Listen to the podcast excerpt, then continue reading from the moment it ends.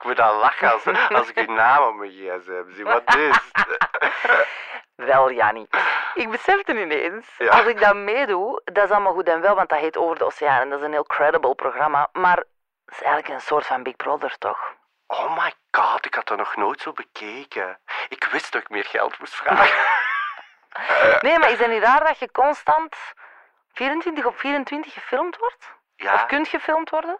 ja, dat is heel raar. En eh, de eerste dagen zet je daar misschien alert over of zo, maar dat verdwijnt heel snel. Ik denk dat ik me zelfs niet meer kan herinneren dat ik gefilmd werd nu. Dat was zo'n belevenis. Nee, daar moet je echt geen bang voor hebben. Dat, gaat, dat gaat echt weg. Eh, Het gevoel dat je daar hebt is echt op den duur met die familie. Zelf die camera's. Oké. Maar, allee, doen hè, als je kunt, doen. Nee, En wanneer gaat je me bellen voor een etentje?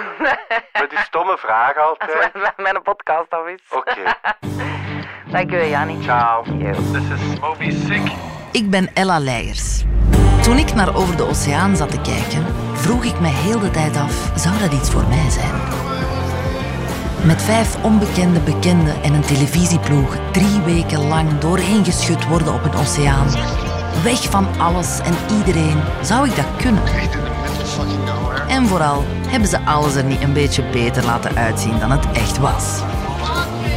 In deze podcast ga ik dat onderzoeken. Hoe gevaarlijk dat eigenlijk is, zo'n overtocht. En hoe groot de kans is dat ik zee- of geestesziek word.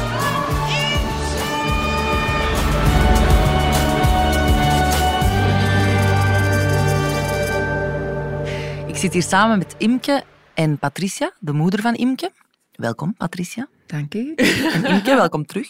Hallo, ja. Er was één ding dat u had gevraagd om niet te doen. Dat is zwemmen in de oceaan.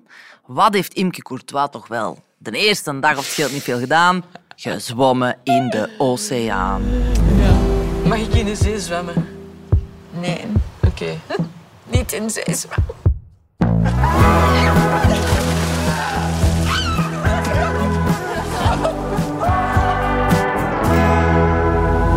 Voelt u dan schuldig? Zo van, Nee. oei, als, mama dit maar niet te weten komt, Nee, omdat valt ik- dat wel mee? Om, omdat ik weet dat zij dat eh, zegt vanuit haar moederinstinct van nee, niet zwemmen. Maar dan zou ik ook niet mogen vooraan aan de boeg een spinakkerzeil gaan uithalen. Dan zou ik ook niet mogen kort bij de reling komen. Dan, dan mag ik eigenlijk niks De doen. gaat niet mee, ja. Ik weet wel dat ze me dat gunt en dat ik ehm, vooral... ehm, dat zij mij ook wel vertrouwt. Mhm. Ja.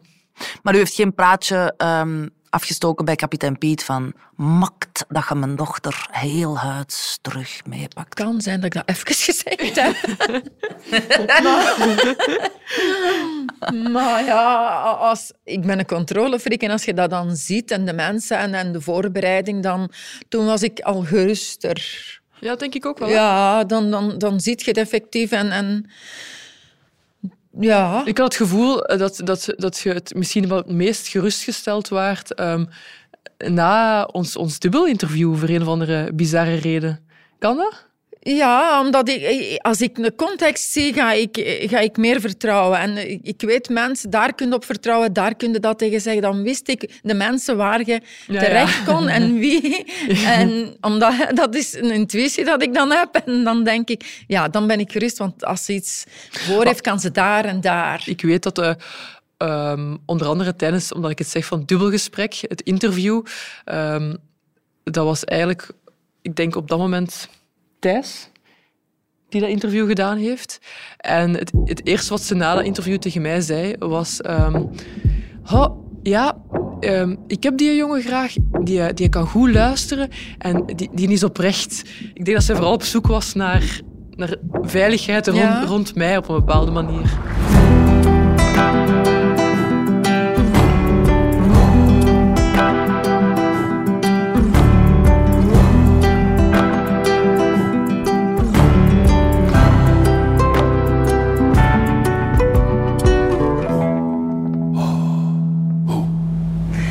Dag Koen en Thijs. Jullie zijn de regisseurs van Over de Oceaan, dus jullie waren ook mee aan boord tijdens de oversteek. Was dat achteraf gezien een naïeve beslissing? Misschien wel, ja. ik, ik denk dat dat een naïeve beslissing moet zijn, eigenlijk. Want je mocht er ook niet te veel over nadenken. Hè. Je doet dat omdat je daar goesting in hebt, omdat je daar zin in hebt. Want hadden jullie enige zeilervaring? Nop. Ik had- ja, ik had al wel eens op een boot gezeten. Zijn jullie niet eens in La Coruña geweest? Eh, we zijn daar geweest om te gaan kijken naar de boot, maar daar hebben we niet gezeild. Ah ja, oké. Nee. Daar is de boot bijna gezonken. Ah, we hebben een lek gehad, dus we zijn uit het water moeten gehaald worden. Het ding is dat wij een probleem hebben met water dat binnenkomt via de dichting van de schroefas. boot het water halen. Anders heb je risico dat je gaat drinken met de boot. Ja. Dus doe dat snel. Ah ja. Boezemt mij allemaal zo weinig vertrouwen in eigenlijk. Ja, we, ik denk dat we een dag of drie gingen proefvaren. Ja. Om eh, de camera's te testen, om, om de cameraman en de klankman ook wegwijs te maken op de boot en gewoon te worden. En we zijn eigenlijk nooit uitgevaren. De motor was lek. Of er was een, eh, een aansluiting die niet gedicht was. Oh. Net op denk, het uur dat we gingen vertrekken voor drie, vier dagen. En dan hebben we hem eh, zo snel mogelijk uit water laten halen. En zijn we teruggevlogen naar huis. Onverrichter zaken. Ja. En het heeft daar dus ook elke seconde van de dag geregend. Hè. Dus je zou nog denken van, je zit daar dan toch nog twee, drie dagen in Spanje. Nee, ook niet. Niks echt. Ik heb het eigenlijk nog, nog nooit meegemaakt. Gewoon drie dagen heel de tijd regen. Dat was een speciale voorbode voor het avontuur dat we gingen aangaan. We zijn wel nog drie avonden lekker op restaurant geweest. Dat we, Ja, maar ik herinner me ook wel, ik ben de enige nog op de boot die dus eh, geen vlees eet, of ook geen vis, dus ik ben vegetariër. Ik heb daar veel patatas bravas gegeten. Ik heb gesproken met een paar opvarenden. Oké. En Thijs, dit eh, had Imke over u te zeggen. Thijs is de regisseur die, denk ik, het meest afgezien heeft. Volgens mij heeft, was hij 21 dagen zeeziek. Dat is de, de meest professionele misschien wel van, van, van allemaal. Kijk De meest professionele van allemaal. Ik kijk naar Koen. Ja, nee, ik kan dat alleen maar beamen. Eh, dat is ook, ook de reden waarom dat Thijs meegegaan is, om eh, wat tegengewicht eh, te bieden aan, eh, aan Willem en aan mezelf. Nee, dat is waar. Maar ik wist niet dat jij 21, is er 21 dagen ziek Nee, dat is een zware overdrijving. eh. ik denk dat ik drie keer zeg maar, een fase van zeeziekte gehad heb. Een fase dat duurt dan wel één of twee dagen. Maar dat is echt wel iets heel, heel apart. Ehm, het is ook niet dat ik dan zo fris was of zo daartussen. dus je hebt wel zo een soort van staat die niet dezelfde is als aan land. Allee, ik, als iemand die nogal gevoelig is voor zeeziekte, ik denk dat Willem of Piet dat niet zullen hebben. Die voelen zich net beter op zee dan eh, aan land. Maar ik heb daar wel altijd zo... Ja, ik voel die niet 100% fris of zo. No- eigenlijk nooit. Maar ik denk wel dat ik samen met Imke misschien degene ben die dat meest overboord gehangen heeft. Wel. En Dominique, hè. En Dominique, maar dat, de is- dat eerste echt... drie, vier ja, dagen, dat was echt... eh, Ja, maar dat was echt in het begin en dan was je daar echt vanaf. Dat is een heel ander proces dat je... Ik heb hier ook nog een quote van Otto Jan. Thijs heeft ironisch gezien ook het meeste last gehad van zeeziekte. Ik weet dat ik op een gegeven moment bezig was aan een fantastische anekdote, terwijl wij op wacht stonden en hij was aan het filmen en dat echt op het moment supreme eigenlijk de grote clue van mijn verhaal moest komen. Ik kon echt niet meer en dat hij de camera gewoon hup, gauw in mijn handen gaf en zich spoeide om overboord te kunnen overgeven. Ja, het is echt de eerste eh, vijf dagen echt wel gruwelijk ziek geweest. Ja, maar dat... Ja. Misschien moeten we die scène toch nog ergens online Ja, maar- hebben die wel. Ik heb dat drie keer gehad. Ai, Ja, ik deed ook zoveel interviews. ja, dat is goed, hè. is leuk. Wat ga je doen? Oh, Thijs. Dat was zo'n nacht inderdaad. Ja, je voelde eigenlijk al wel een tijdje dat je echt niet goed bent. Maar ja, ik zit de job aan het doen. En dus toen was ik wel echt aan het verder filmen. En ik weet nog perfect wat dat er gebeurde. Toen s'nachts uh, Evie en Otto Jan waren aan het reminiscen over hun tijd op festivals en dergelijke. Het ene stukjes waren al interessanter dan de andere. eh. Het ging over een ontmoeting met Deepesh Mode. En Otto Jan eh, was dan uitleg. Ik dacht, oké, dit rond ik af. Hè. Ik film dit. Als dat gedaan is, stop ik. Maar die bleef braaf. en dat bleef maar doen. En dan heb ik op een gegeven moment gezegd van, oké, even stop. Ik pak de camera. We zaten er met vier, denk ik. En iedereen kijkt, wat doet die nu? Dus ik hang me overboord en ja, ik kots uh, de ziel uit mijn lijf. Ik ben er achteraf dan gaan kijken of daar beelden van waren. Uh, maar er zijn eigenlijk amper beelden van. We hebben één camera die, die vasthangt. Die, en daar is een beeld enkel van hun reactie. Dus eigenlijk, als je niet weet wat er gebeurt, zie je het niet. Maar het is wel heel grappig om te zien, want iedereen is zo in shock van, wat doet je nu? Dat is wel die... grappig, want we hebben eigenlijk 21 dagen lang elkaar afgewisseld. En ik heb u bijna nooit weten overgeven. Nee, dat is eigenlijk waar. Als jij sliep, Ja, was ik voilà. wakker. En dan zie- eigenlijk hebben wij... Wij kennen elkaar eigenlijk niet. Nee. Eigenlijk. Maar Thijs, stel nu, ze maken nog een seizoen en ze vragen om mee te gaan. Wat zou je dan zeggen? Mijn lief heeft mij dat daar juist ook gevraagd. En ik heb gezegd, ehm, ik zeg zeker niet nee. Maar ik zeg ook niet volmondig ja. Ik zat, Ja. hangt van zoveel dingen af. Van eh, wanneer ook. En het is toch een lange periode dat je van de aardbol verdwijnt ook. En dat moet wel kunnen in je leven op dat moment. Ja. Het is niet zozeer het gevoel dat je, dat je zo lang weg zit, want dat doen we voor andere programma's ook. Hè? Lang in het buitenland zitten. Maar het verschil hier is dat je nul contact hebt met thuis. En zelf vind je dat misschien niet zo erg. Of ja, je mist thuis wel, maar je kunt dat wel ergens plaatsen. Maar thuis mist u enorm. Je mag dat niet onderschatten. Dat is niet ongevaarlijk, die een trip. En als ze niks van u weten, dan, dan ja, maken ze zich zo ongerust. Ah, dat wil ik haar op zich niet aandoen. Dus ik, ik doe dat alleen nog als ik volmondige toestemming heb. Ja. Want ja, ze zien thuis veel harder af dan dat je zelf Mhm. afziet onderweg. Want inderdaad, jij gaat ook mee met de mol. Als je nu zou moeten kiezen, de mol of over de oceaan? Eh, Werkend, hè? Allee, niet als kandidaat, maar als... als... als kandidaat zou ik geen van beide ooit doen. om te werken, ze zijn beide, ze zijn beide dat dat is verschillend, hè. ze zijn beide heel plezant om te doen. Echt waar. Als tv-maker is dat is, ja, zowel de mol maken als de oceaan, dat is Koen, Imken heeft ook iets over u gezegd. Koen is een grote mens. Die loopt overal tegen met zijn hoofd als de man met de meeste hoofdwondes. Maar zo'n lieve man, ja. Pro Koen.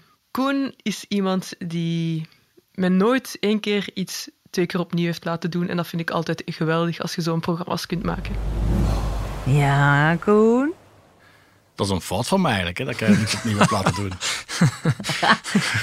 Heb jij zoveel accidenten gehad? Ja, maar die, een boot dat is heel klein, dat is zoals een caravan, dat is, dat is niet plezant om daarop rond te lopen. Dat, je botst daar overal tegen. Ja, ik ben groot en zwaar en dat, dat is... eh, En onhandig? Of is iedereen onhandig eh, op een boot? zo'n boot is iedereen onhandig. Ja, zelfs, eh, ik zag Piet en Willem ook als ze net uit hun bed kwamen, zag ze ook struikelen. Dus dan dacht ik van, oké, ja, Ja, ervaren zeilers, dan, dan moeten we ons niet schamen als we... Maar, maar heb je wonden nog op Nee, nee, ze zijn allemaal... Was het echt zo erg? Ja, boah. Het was altijd op dezelfde plaats eigenlijk. ja, dat, Toch, het was toch een wonde die echt op het einde van de ja, reis... dat, deed- ja, dat deed pijn, ja. Maar ik hoor ook wel veel horrorverhalen van de, van de gevaren. En je kunt eh, op een container varen en op een slapende walvis. En als, je, als dat groot zeil onder de boot terechtkomt, dan krakt een boot in twee. Hadden wij maar op een En container als je gevaren. eruit valt- Op een Ja, maar we ja. hebben geen walvis gezien. Zeg, vertel eens hoe jullie werkten aan boord. Dus jullie wisselden elkaar af. Ja. En hoe gemakkelijk ging dat, dat slapen? Is het toch nog anders? als- omdat kort- jullie hebben gewerkt? Ah, Ik kort even schetsen ons schema. Dus we hadden eh, Dieter en Jan, de cameraman en de klankman. Mhm. En die werkten in principe overdag. Die stonden heel vroeg wel op en die gingen vrij laat slapen. Maar daarnaast deden Koen en ik afwisselende shiften. En overdag waren die vier uur en s'nachts waren die drie uur. Dus vanaf negen uur ging een van ons twee slapen tot twaalf. Dan om twaalf uur kwam de andere die wakker maken tot drie. En dan tot zes. En dan waren er terug shiften van vier uur. Maar dus dat zorgde er wel voor dat s'nachts, heel veel momenten, Koen of ik, de enige van de crew was die wakker was. Als we willen hem even niet meerekenen, want die zich met zeilen dan zeker ook bezig gehouden. Ehm, maar dus dat wil ook zeggen dat wij dan zelf eigenlijk de cameraman zijn en de klankman op dat moment. Nu, die nacht dat je dan zo alleen moet doen, langs de ene kant heel mooi, langs de andere kant, je wordt daar gewekt meerdere keren per nacht om terug op te staan. En je hebt geen, geen flauw idee wat dat je gaat doen eigenlijk. Hè? Dus je komt boven, je ziet, ah, het is die en die, oké, ja. Eh, en je pakt je camera, je pakt je grief en je zet je. En je voelt meteen al wel een vrij grote verantwoordelijkheid van, ja, oké, nu begint mijn shift. Ik wil over drie uur niet zeggen van, ja, er is niks gebeurd, ik heb niks gefilmd. Dat is zo, ja. Ik heb dat wel een paar keer gezegd. Ja, maar ik heb dat ook gezegd. Tuurlijk, en dat gebeurt. En, maar ik denk in het begin niet vaak. Zeg. Nee, dat lang geduurd. Dat heeft heel lang geduurd totdat wij shiften hadden. Dat we tegen elkaar zeiden, "Ah, wel, ik heb geen minuut gefilmd. En Dat kwam ook omdat ze op den duur eh, ja, minder vertelden. maar dat is ook goed dat we dat dan beginnen doen. Maar Ja. dat is wel zo. Ik denk de reden dat dat zo laat pas gebeurd is, is omdat je dat echt het gevoel hebt van... ja, je wilt werken en je wilt Maar dus zien. parende vogels gaan filmen voor National Geographic, dat zou niks voor u zijn. Jawel. Jawel. Ook, maar Jawel. dat is toch ook heel onvoorspelbaar? Eh, maar het is heel anders, ehm, denk ik. Soms s'avonds in de Sheraton en dan soms terug naar, naar Dat de is wel parende waar. vogels. Sorry, ik was even vergeten. Maar ja, ik vind dat wel oprecht Ja, dat is het waar. allerzwaarste aan heel die reis was voor mij echt wel die nacht. Hè. Ook dat om, drie, om de drie uur opstaan, drie weken aan een stuk.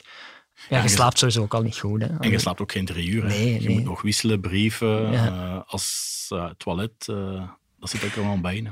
Ah, ja. En jullie deelden een kajuit. Ja. Ja. En weten jullie nog hoe die rook? Dat heeft ver- verschillende geuren gehad. Hoe jullie roken? Wel, eh, ik heb ooit eucalyptus in mijn neus gespoten en ik, sindsdien riek ik. Zo eucalyptus voor in de stopcontact. eh, Oh Ik nee. moest vertrekken met de mol en ik werd ziek. Ik dacht van nee, dat mag niet gebeuren. Ik ga eh neusspray eh, vol een bak, dat ik zeker niet ziek word. En ik heb s'nachts per ongeluk eucalyptus in mijn neus en sindsdien... Dus ja, ik heb Thijs niet gerookt, maar Thijs zal mij wel... ge- ah, Dat weet ik niet. Ik heb daar geen last van gehad, al sinds. Oei, mag ik dan nu nog zeggen wat ik wel geroken heb? Dan? Oh nee, ja, ja graag Thijs. Nee, nee, eh, Koen is gelukkig een hele propere mens. Ehm, maar wat dat wel is, bijvoorbeeld, zijn een deodorant. Als ik die nu terug zou ruiken, dat zou bij mij wel ineens de herinnering van daarop roepen, denk ik. Ik vermoed dat Otto Jan het al gaat verteld hebben, maar zo het water, of de, de smaak van het water, heeft er nog niks van gezegd. Nee. De eerste vijf dagen, niemand kon tegen de smaak van het water dat we mee hadden. En iedereen zei, "Wauw, wat is er met dat water en dit en dat. Eh, en dat is ook gewoon dat je misselijk bent, geassocieerd het daarmee, denk ik. eh, dat, je, dat je dat niet lekker vindt of zo. Zoals ik dat nu... Dat was eh, stadswater van Lanzarote. Ah ja, maar... En dat was niet lekker. En zodra dat op was, konden we ons eigen water beginnen maken. We hadden zo'n watersysteem aan boord. En dat water, dus oceaanwater, dat we zelf zuiverden, dat was wel heel lekker. Ja. Maar dus in het begin, als er koffie... Nu, dat was sowieso een koffie-issue, want de Jani had eh de café gekocht. Dus we hebben 21 dagen de café koffie moeten drinken. Omdat hem nog niet te goed had gecontroleerd. Dus je zit al zo moe en je wilt echt... ah ja, wat dat dan deugd kan doen, is een tas koffie, maar dat hebben we dus nooit echt gehad. En dan, dan nog eens gemaakt met zo slecht stadswater van Lanzarote. Dus ja, En Jani is de manager. Verantwoordelijk voor duizenden tassen koffie. Alleen is Pieter dat een decafeïne gekocht heeft. Ik snapte er al bepaald Ik zou dat Ja. ook niet zeggen dan. Nee? Laat die placebo zijn werk maar doen, zou ik denken. wel, dat zou goed kunnen dat hij dat wist en dat hem ons... Hoewel hij, er zit wel een scène in de reeks waarbij dat onthuld wordt en Ja. daar, dat speelt hem niet. Hè. Nee, nee, hij reageert oprecht. Ja. Ja. Ja. Wat er wel gebeurt bijvoorbeeld is... eh, ja, het wordt heel warm ook wel op een gegeven moment. Hè. En dat is een raampje boven, dat staat open. Maar als de zee wat wilder is, ja, dan kan er water binnenkomen. En je, Ah, ligt, je ligt te slapen. En ineens splash, heel het bed nat. En ja, dan is de volgende wel ook gescharreld Ja, we hebben, slapen. we hebben heel veel in een nat bed gelegen. Oh, dat Ja. vind ik echt... Oh, nat bed vind ik verschrikkelijk. Ja. En dat raampje, als Piet eh, wacht had, Piet was altijd als hij uit zijn bed kwam en hij kwam aan dek, dan moest er iets gebeuren. Dan gingen er zeilen en dan... Willem niet. Willem, dat was... ik, ik, had, eh, ik zat in de shift met Willem, ik had bijna nooit... pff, ah, simpel. Thijs zat in de, in de shift met Piet, dus Piet buiten en er gebeurde iets en dan moesten ook al die rametjes dicht en dan was er ge- geloop op dek en dan... Hè, was toch, hè? Ja, ja, absoluut. Dat was ik eigenlijk ook alweer vergeten. Dat, dus ik was altijd met Piet eigenlijk van wacht en Koen met Willem. Nu, overdag slaapt hij niet altijd als het uw shift is om te slapen. Hè. Dus dan waren we, was er wel wat overlap. De vogel die in Jan in zijn oog vloog, ik heb dat niet meegemaakt, maar ik heb dat wel gemonteerd. En ik, mijn herinnering was ik er nu wel bij. Ik heb nooit eh chocomel moeten gaan halen voor Piet. En Thijs waarschijnlijk wel. Piet die zei van, ja. eh, ik wil chocomel. En dan moest er iemand springen om chocomel te gaan halen. Meestal deed dat dan iemand van de... Otto Jan heeft dat ook heel veel heeft dat veel gedaan. En Jani uiteraard. Ja. En, en Dominique zelfs, eh, als hij wakker was s'nachts. Ehm Ik heb dat niet zoveel moeten doen, want ik was Nee? altijd misselijk. Dus eh, ah, Piet ging voor mij ik zoals heb dat, ik heb dat denk ik geen ene keer gedaan voor Piet. Nee, maar- Wel veel voor Willem. Als ik denk aan de Atlantische Oceaan oversteken, dan lijkt me dat wel iets om heel fier op te zijn. In hoeverre is dat bij jullie nog? Of zien jullie dat nu te veel als... Ik heb denk ik het grootste deel van, van die tocht zo wat emoties en zo uitgeschakeld. Omdat je altijd bezig bent van wat gaan we hiervan gebruiken? Zijn we er iets mee? Eh, hoe moeten we dit in godsnaam eh, aan elkaar knippen?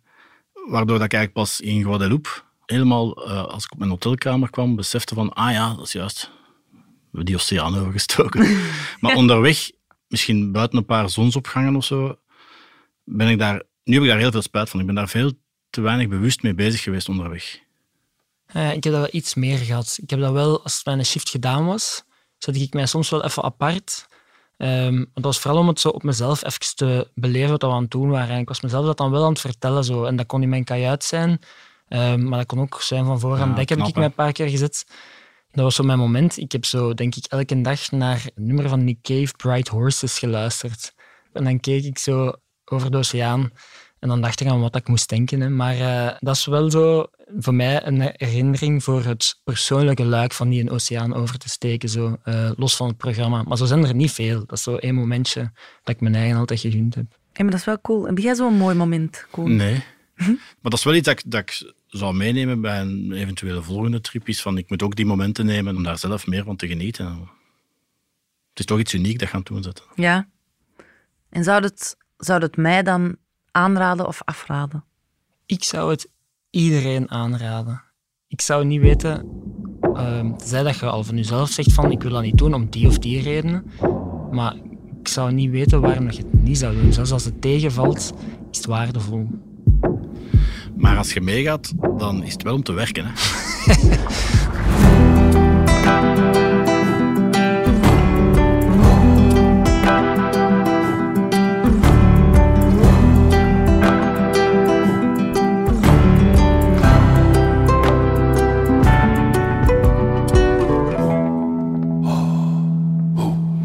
Dag Dieter en Jan, respectievelijk eh, cameraman en klankman. Ja. Marianne, het is een beetje oneerbiedig om te zeggen dat jij gewoon klankman waart. Want wat, wat heb jij nog allemaal gedaan? Eh, ik, naast de klank en achter de BV's aanhalen om een micro eh, goed te steken, deed ik ook het datamanagement. Het datamanagement. Ah ja, met alles staat Ja, op dus ja, harde alles schijven. werd En... op camera's en recorders opgenomen, maar natuurlijk na een dag of een halve dag zijn die kaartjes vol. En dan moest dat gebackupt worden op harde schijven. En dat was eigenlijk een fulltime bezigheid, want er waren redelijk wat camera's aan boord. En eh, we waren eigenlijk continu aan het backuppen. Maar ja, backuppen natuurlijk, je kunt dat niet in, een, in de cloud steken of zo, want je zit op die een boot. Nee, nee, dus we hadden een, eh, een systeem dat we alles twee keer backupten. En dan hadden we eigenlijk eh, twee van die pelicases, van die waterdichte harde koffers, waar dat we de twee versies instaken, zo, zodat als een boot zou zinken, dat we, dat we, dat we altijd twee nog wel- kansen. Ja, een- dat, we, dat we tenminste alle, al- alles Ah, ja. arbeid toch nog eh, konden Want, redden. ja, ja, ik wil niet zeggen dat jullie levens minder waard zijn dan het programma, maar allee, het is een beetje wel. Hè. Allee, ik wil... nee, nee, maar iemand, iemand zou dan een aangespoeld pakket met een onafgewerkt programma hebben kunnen vinden. Ja, op ho- een of ander hopelijk. hè, hopelijk eh, ja. Het was de bedoeling, het was Jan zijn taak, om als er iets misliep, om dat koffertje te redden. Dat was eigenlijk, iedereen had één specifieke taak. Als we naar de Maar noodboot, enfin, ah ja, naar het waren slot zouden moeten. Ja, Ja, ja, dus absoluut. Jan zou dan ehm, het datakoffertje moeten pakken en ik zoveel mogelijk camera's om op, de, op het vlot ook nog te kunnen blijven filmen. Ah, oké. Zelfs dan, the show must go on. Ja. Ja, je zou natuurlijk... Krijg je daar zo niet wat ethische bezwaren bij? Van, misschien moet ik ook eh, voor mijn leven vechten in plaats van nu te blijven filmen hoe dat die andere mensen... Ja, ik denk, ik zal dat wel een beetje combineren dan. eh, voor mijn Ja. leven vechten en ondertussen toch ook nog met mijn andere hand eh, nog een beetje filmen. Hè. Ja. Tot alle batterijen plat zouden gaan. Dus we hadden er ook over nagedacht. Dat we echt toch wel weken nog zouden kunnen blijven filmen. Niet constant, maar wel af en toe een uurtje per dag. Voor dus omdat we Expeditie gehoord Robinson hadden... dan. Ja, want we Ja. gingen ervan uit dat we dan uiteindelijk wel gered gingen worden. En dan zou het wel heel sneu en jammer zijn als je dan gered wordt. Je niet en, hebt. en je Ja, kunt dat niet bewijzen allemaal. dus ja. Maar, hebben jullie een soort van veiligheidsopleiding gekregen of zo? Ja. Ah ja, met, toch heel, wel. met heel de technische ploeg hebben we eigenlijk een beetje dezelfde opleiding gehad die, die, de, die de andere gasten ook gehad hebben. En dat ook een beetje denk ik, in de reeks zat. Ja. Ja. En hadden jullie zeilervaring? Nee. Nee, nog nooit op een zeilboot geweest, zelfs volgens mij. En hebben jullie een beetje mee gezeild? Allee, of een beetje gestuurd? Ja, of... ja. Ja, ja, toch wel. Zeker na- als we zo over de helft waren en, en we hadden eigenlijk alles opgenomen wat belangrijk was. Dan hadden we heel veel vrije tijd. Nee, nee. nee maar toen, eh, Ja. toen hadden we wel iets meer tijd om, eh, om elkaar toe mee te zeilen. En dat was wel heel fijn eigenlijk. Ja. Als je nu eh, zou moeten zeggen hoeveel uren dat jij in totaal op het dek bent geweest. Ik denk, je wel gehoord dat jij voorna- voornamelijk... Ah, ja, ja, ja. Beneden zeker zat de eerste binnen. twee weken heb ik meestal beneden gezeten. En was, was ook een, een andere functie van mij om eh, al de keukentoestellen en apparatuur tegen te houden als we te veel eh slagzij gingen. Ja. Ik heb hier een leuk quoteje, gasten. Klankman Jan had de minst benijdenswaardige job aan boord. Het leuke was wel dat als alles liep en we, we waren even niet aan het filmen of zo, was Jan wel degene die het liefst zelf even achter het roer ging staan. Die vond dat ook echt heel fijn om te doen. En we lieten dat dan ook toe, want voor de rest had hij een schei- scheidjob. Dus Maar hij is wel op het dek geweest. Dus jullie werden bruiner en bruiner. En Ja, hij deze werd inderdaad zo melkbleek is die in Guadeloupe aangekomen, inderdaad. Ja. Allee, jong, lijkbleek in Guadeloupe aangekomen. Ja, klopt. Nee, ik denk dat dat, dat, ik denk dat, dat wel meeviel. Maar ik heb inderdaad wel, zoals dat Jan zegt, uh, redelijk wat kunnen zeilen ook. Zeker omdat al de BV's die waren dan aan een tijd gewoon beu en die, die vonden dat helemaal niet meer leuk. Dus eh, was er tijd genoeg voor Nee. ons. eh. En werden zeeziek van dat binnenzitten? Want dat is toch Mm, ook... Ik ben nooit echt zo kotsmisselijk geweest. Wel geregeld dat je zo'n beetje dizzy bent of zo, maar ja, dat ik mijn job kon blijven doen. En, ja. Nu, ik had gelukkig wel, ik had mijn eigen zo gepositioneerd beneden dat ik zo wel aan een raampje zat. Dus als we, als we chance hadden en, en we gingen niet te schuin, dan kon ik zo wel de horizon zien. Dus op die manier... Dus je hebt het wel gezien, die Atlantische Oceaan. Ja, ja. Het is niet alleen van horen. Ja, van heel dichtbij zelfs dikwijls. Ja. Zeg, Dieter, vond jij Mhm. het eigenlijk gevaarlijk? Eh, ja, ik vond het wel af en toe gevaarlijk. Ja. Ja. Wat was het gevaarlijkste? Het gevaarlijkste was als, we, als er van voor op dek iets moest gebeuren. En dikwijls was dat dan Imke of Otto Jan die naar voren schoten. En dan schoot ik erachteraan. En dan moest ik ook af en toe Imke vasthouden. Af en toe moest Imke mij vasthouden. Ik had een harnas aan. En ik klikte mij wel dikwijls vast. Maar dat vastklikken, dat was ook maar gewoon als we van de boot zouden afvallen, dat we nog aan de boot zouden hangen. Ehm, niet, niet, niet, om, niet dat we op de boot zouden blijven. Dus daarom hadden wij wel ehm, altijd de neiging, zowel eh, bij Otto Jan of bij Imke, of zij ook bij mij, denk ik, om toch elkaar zo vast te houden als er eh, iets ging gebeuren. Want ja, van voor op dat dek, hij was soms wel wild, ja. Ja. En hoe anders is dit project, of was dit project in vergelijking met bijvoorbeeld de mol of zo? Want ik neem aan dat jullie wel vaker reizen voor de job. Hebben jullie de mol gedaan? Ja. Ik ga er nu zo van uit. Ja. En hoe, hoe anders is dat? Of kun je dat vergelijken? Eigenlijk kunnen we dat niet vergelijken. Hè. Hier ja, vertrekte en ja, wat je net al zei, er, er, eh, de draaidag stopt eigenlijk niet. Eigenlijk begint het te draaien als je vertrekt en stopt pas als je toekomt.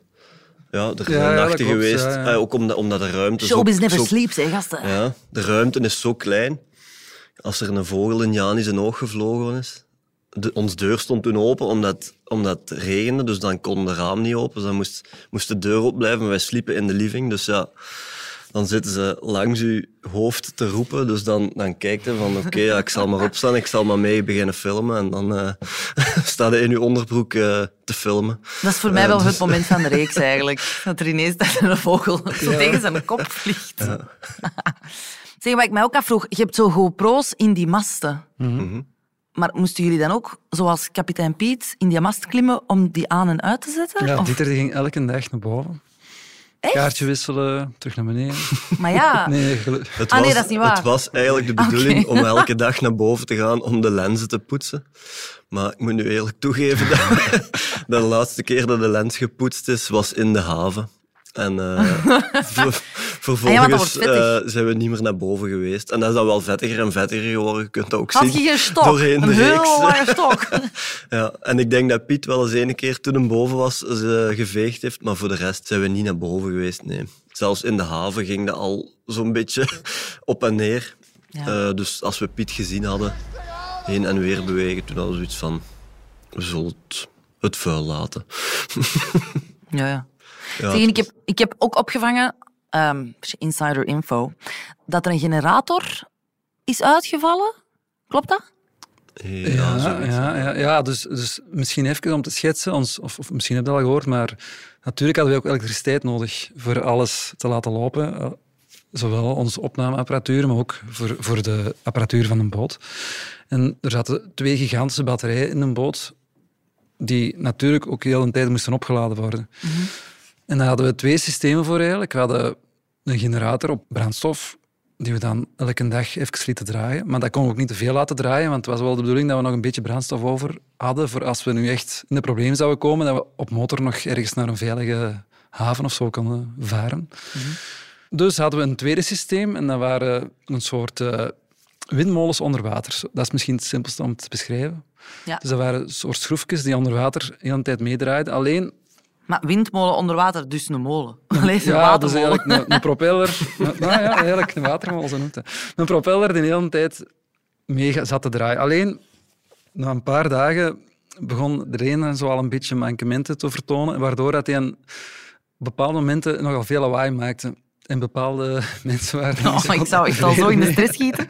Zo, oh, dat zou niet mogen. Zo'n zinnetje dat ik ook altijd hoor. Maar dat zou niet mogen. Waardoor we eigenlijk ja, na een tijd wel een beetje ja, zo wat tekort hadden aan eh, stroomtoevoer. En als dan ook nog eens de generator een keer was uitgevallen, toen hebben we echt zo wel eh, aan, aan, aan noodscenario's te denken van ja, wat als dat nu niet opgelost geraakt? Eh, Ja, en, en wat dan? ja, dan- Of wat is dan het ergste dat zou kunnen gebeuren? Want ik denk dan van, oké, jullie batterijen kunnen dat niet opladen, maar wat zijn nog de andere gevolgen? ja, dus mogelijk heel, heel de navigatie van een boot, dat zou ook niet meer lukken. Ah, dronken oceaanwater. Ja, Dus was dat lekker? die watermaker die werkte ook niet meer als er geen elektriciteit was. Ah. Dus dat zou dan ook opgeraken. Oh. Ja, dus we waren een beetje wel Dus aan aan het veel. Dus ja. elektriciteit was wel belangrijk. Ja. Ja. Ik vond eh, de beelden van de boot ook heel mooi. Is dat met drones? Ja. Ja. Nu, ik moet er misschien even bij zeggen, ik had dat ook nog nooit gedaan, gedroomd. Dus eh, ik heb ook geen drone-brevet, wat ook niet nodig is op de oceaan. Ah, je bent Ehm, niet naar de droneschool gegaan? Nee, we gingen eigenlijk oefenen. Maar ons oefenvaart is in het water gevallen door een technisch mankement aan de boot. Waardoor dat we dus eigenlijk niet hebben kunnen repeteren. Dus de eerste keer dat we gingen dronen was echt een heel bang momentje voor mij. Met heel veel stress. Dus we lieten de drone uitvliegen. Een paar shots gemaakt en we hadden van ja, we gaan dat niet te lang laten duren. Dat we nog genoeg tijd hebben om binnen te geraken voor de batterij plat is. En eh, toen zijn we toch begonnen aan, ik denk, 20 minuten naar de boot vliegen, proberen te vangen. En dat was echt heel moeilijk. Ja. Tot ik gans op laatste, toen ik zei van, Jan, de batterij is bijna plat. Ik ga gewoon zo hard als ik kan recht op u afvliegen en jij moet die, die een drone vangen. Ondertussen was Willem ook mee van achter op dek, ook om, om te vangen. En toen hebben we dat zo gedaan. Zijn we echt volle vaart op de boot afgevlogen. En het Willem die uit de lucht gesleurd. Maar het, het binnenhalen was toch altijd... eh, liep nooit van een leien dakje. Ik denk op het einde, na drie weken, dat het redelijk goed ging. Ja, want het was een avontuur altijd. Ja. Ja, goh, nu wel.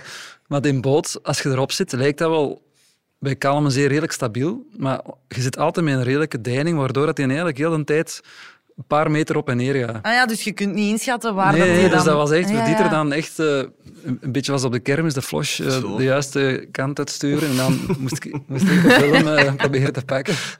Ja, dat was echt eh, een, een leuk spelletje. Maar we hadden denk ik twee of drie reservedrones we hadden mee. nog twee want we gingen er reserve eigenlijk wel mee, vanuit dat we er minstens één in zee gingen laten storten. Maar ze hebben het allemaal overleefd. dus, Ah eh, ja, want ik ging vragen hoeveel had je erbij en met hoeveel ben je terug thuis Ja, aangekomen? we hebben ze allemaal terug mee naar huis kunnen nemen. Ja. Ja. We hebben er maar één gebruikt ook. Ja. Ja. Ik heb ook gesproken met de regisseurs en die zeiden eigenlijk allebei hetzelfde, dat ze na afloop het gevoel hadden van dit nooit meer, eigenlijk. Maar ondertussen zijn ze toch een beetje bijgedraaid. En hoe zit dat bij jullie? Zouden jullie terug meegaan als ze het zouden vragen? Ja, ik heb daar een beetje hetzelfde gevoel bij. Ja. Toen ook Hoe langer het geleden van, eh, is, hoe nee, beter de herinnering wordt. Nu is het inderdaad, nu heb je alleen nog maar goede herinneringen eraan. Hè. Ja. En als je er dan terug op zit, dan zeg je van, ah ja, daarom had ik gezegd dat ik dat niet meer ging doen. Ja. Bij hen was het ook zo dat ze het totale gebrek aan contact met de familie eigenlijk het dat is wel het moeilijkste, ja. ja. Bij jullie ook, hè? wel. Ja, absoluut, ja. Dat is ook het grote verschil als je dan zegt voor het vergelijken met de mol. De mol, ja, je hebt wel lange dagen en eh, je bent ook heel de tijd bezig, maar je kunt wel elke, elke avond even naar huis bellen of skypen. Je hebt nog altijd contact. Maar hier, ja, dat... Zeg, hebben jullie er ook een beetje van kunnen genieten eigenlijk? Ja, zeker. Ja. Ah, als je dan toch eh, nog eens een vergelijking met de mol. We hebben nog nooit zo goed gegeten op een productie, denk ik, als nu op de zeilboot. In tegenstelling tot wat we hadden verwacht, want iedereen had ons op voorhand gewaarschuwd van ja, dat gaat echt dikke miserie zijn. eh, allemaal eh, houdbaar voedsel, eh lang houdbaar voedsel, ja, astronauten toestanden. Maar we hebben echt elke dag in een drie-sterren restaurant gegeten. Dat Maar was ja, echt jong. En dan komt je naar boven met speculaas en orangetagans en ijs liggen draaien en marsepein en wat weet ik Mm, allemaal. Allee, beschouw je dat dan echt als puur werk? Of... Nee. Ja, Allee, het is Nu, ja, natuurlijk er zijn werk, natuurlijk maar- momenten dat je zo echt wel het gevoel hebt dat het werk is, maar de meeste momenten ervaarde wel als iets unieks, als dat je iets aan het doen bent wat je zonder deze job nooit zou gedaan hebben waarschijnlijk. Ja. En wat, wat was het mooiste aan het project? Gewoon eh, het feit dat je puur op windkracht de oceaan oversteekt. Ja. Want ik had nog nooit gezeild en ik, zo de, de kracht van de wind ervaren op zo'n zeilschip, dat vond ik echt wel heel machtig. Ja. Wat ik wel fantastisch vond, is dat je heel dicht bij de natuur zit en elke dag de zonsopgang en de Mhm. zonsondergang die super uniek is. Ook al denk je dat is elke dag hetzelfde, maar dat vond ik de mooiste momenten. Elke dag. En ook al was ik dan aan het filmen, dan kon ik ook heel hard genieten gewoon van de mooie beelden die we dan konden draaien. En ondertussen ook echt genieten gewoon van, van de natuur. Als er zo dolfijnen langskwamen of... Ik heb een moment gehad dat ik aan het stuur stond en die kracht dat Jan juist zegt, van die boot voelen. En dan de zon die al een beetje aan het ondergaan is. En opeens komt daar een walvis in de verte. Ja, dat is gewoon fantastisch. Ja, dat is wel waanzin. Ja. Ah, we toch nog wel eens gezien? Of? Ja, ik had toen die pilot whale gezien. Ah ja, ik hoor hier al heel de week dat, dat er van walvissen geen sprake was. Ja, maar wel, we hebben eh, een hebben pilot Ik heb dat gewoon niet gezien, gezegd. eh. Ja, we hebben niet kunnen filmen, want Dieter was aan het sturen. Dus Ja, Ah, dat. ja. Ja, ja, ja.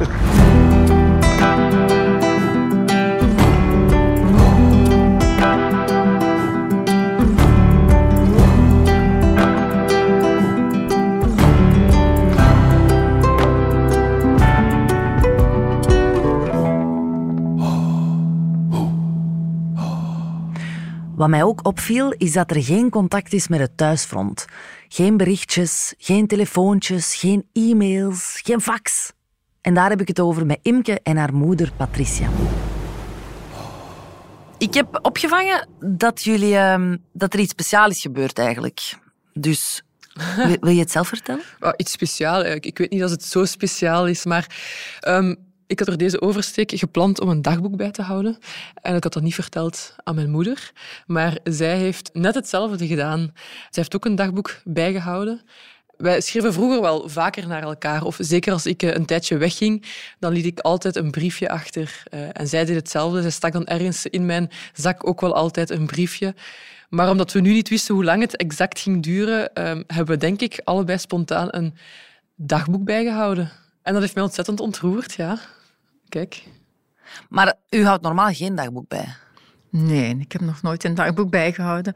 Ah, nog nooit? Nee. Imke, het is toch specialer dan dat je... Ja, maar, ja, maar ik, ik, ik zelf ben ook geen dagboekpersoon. Hè. Ik, eh, ik heb eigenlijk ook nog nooit een dagboek bijgehouden. Dus ik, ja, het is inderdaad misschien wel speciaal dat we dat allebei ja. spontaan hebben gedaan. Ik heb naar u toegeschreven, vooral omdat voor mij was het gemis het ergst. En, en dat moest ik dan van mij afschrijven. Maar mijn insteek was inderdaad wel een klein beetje anders. Ik wou gewoon mijn ervaring op die boot neerschrijven, wat mij allemaal bezig hield. En we hebben het daar al eens over gehad. Ik denk inderdaad dat voor de thuisblijvers het gemis en de angst veel groter was dan voor degenen die daar op de boot zelf zaten. Mogen we een fragmentje horen? Dus je bent aan het varen ver weg van mij. Hopelijk maak je het goed. Geen stormen of hoge golven. Je missen, geen telefoon, geen berichtje geeft mij golven van verdriet. Ik hoor graag je stem. Dit avontuur gun ik je van harte, maar wees voorzichtig, meisje. Want zonder jou zou ik nooit verder willen. Oh. Ja, het is goed dat ik achteraf, achteraf pas heb gelezen, Ja. denk ik. Als ik op die boot had gezeten en ik had zo'n berichten gekregen, dan denk ik dat ik ook wel het moeilijker gehad zou hebben. Ja. Ja, want hoe moeilijk was dat om dan echt drie weken lang niks te horen? Oh, dat was zo tweeledig eigenlijk. Ik gunde haar dat. En ik weet, zij houdt van avontuur. Zij heeft heel graag uitdagingen. Anderzijds, als moeder, vooral de angst van... wat gaat er gebeuren? En vooral, ik kan haar niet horen, ik weet niks en, en ik kan er niet op inspelen als ze mij nodig heeft. Dat was het, het ergste. En dat is, dat is frustrerend, van ik zou even die stem willen horen. Ja. Maar dat ging niet. En dat doet pijn soms, ja. Had jij zo worst case video's opgenomen? Of is dat te, is dat te zwartgallig zo? Ja. Als er iets gebeurt met mij, mag je deze boodschap afspelen. Ehm, nee, ik had wel voor de allereerste keer in mijn leven een, een brief in mijn huis achtergelaten voor als ik zou sterven. Wat er, ja, wat er, eh, maar dat was heel kort en beknopt. Het was geen emotionele, dat was eigenlijk een hele praktische brief. Zo, van zo duidelijk maken van het is niet dat mijn leven stopt, uw leven moet ook nog altijd verder gaan. Ehm, en ik heb ook wel nog hier en daar mijn muziekkeuze opge, opgedrongen in die brief voor mijn begrafenis. Of het is alleen maar Ja, sorry, maar dat is toch wel echt op een beetje plannen. Ja, ja, een beetje Oei, wel. maar dat, maar dat wist u niet. Jawel. Ik, ze heeft mij dat verteld van die brief. Ik zou hard moeten zoeken eer dat ik hem vond, waarschijnlijk. Al de rommel probeert ze nu te zeggen. maar, ja, dat zou heel moeilijk zijn, ja. Heb jij broers of zussen eigenlijk? Ja. Ik heb eh, een zus die ouder is en ik heb twee halfbroers, maar die zijn langs de papakant. Ah ja. Ja. Oké, maar dus stel dat er iets was gebeurd, dan had u nog wel een kind. Ja, zeker. Oh, zeg! Ja, zeker! Maar Dan had ik Ja, het Wacht even, nu. Maar het is raar. dit hadden we ja. moeten voorbereiden, deze vraag. Nee. Maar het is, het is altijd zo geweest dat ik met haar... Een, een- dat Elk was is haar specifiek. Elk kind is anders. De oudste is veel zelfstandiger ook. Veel zelfstandiger. Nee, op, op, qua... Kijk, hier gaan we. Dus dit bedoel ik nu. Dankjewel, Ella. Het was fijn om voor deze podcast samen met jullie te delen. Dag 20. 16 graden, 10 minuten noord, 61 graden, 23 minuten west. Koers 280 graden, snelheid 8 knopen op motor. We zien nu al enkele uren land. Een klein eilandje en vervolgens Guadeloupe. Nog een slordige 10 mijl, wat overeenkomt met anderhalf uur, twee uur varen. De meesten zitten nu non-stop op hun gsm. Ik even, heel even. Om jou te verwittigen en ook te checken dat je oké bent. Dat ben je, denk ik.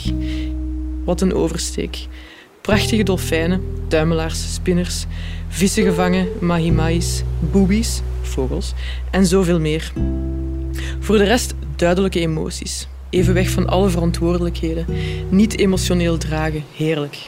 Ik vermoed dat ik wel nog even moet landen. Zoveel impressies, maar dat komt wel. Nu eerst aankomen. Iets drinken, cola, douchen en na twee alcoholische consumpties dronken zijn. Check. Dit was de laatste aflevering van Over over de Oceaan. Een podcast van Woestijnvis, Vier en Uitgesproken. Deze podcast werd gehost door mezelf, Ella Leijers. De verhalen werden geresearched en geschreven door Willem Stellamans. De productie was in handen van Laure Balkaan en Louisa Salens. De opname, montage en het sounddesign gebeurde door Stef Leenaerts van House of Media. De themasong is van Matthias Bastiaans en Otto Jan Ham. De extra muziek is van Stef Leenaerts. Speciale dank aan Karel Dirks en Wouter van Driessen. De televisiereeks Over de Oceaan is een format van Rabbit Films. De volledige credits vind je op 4.be.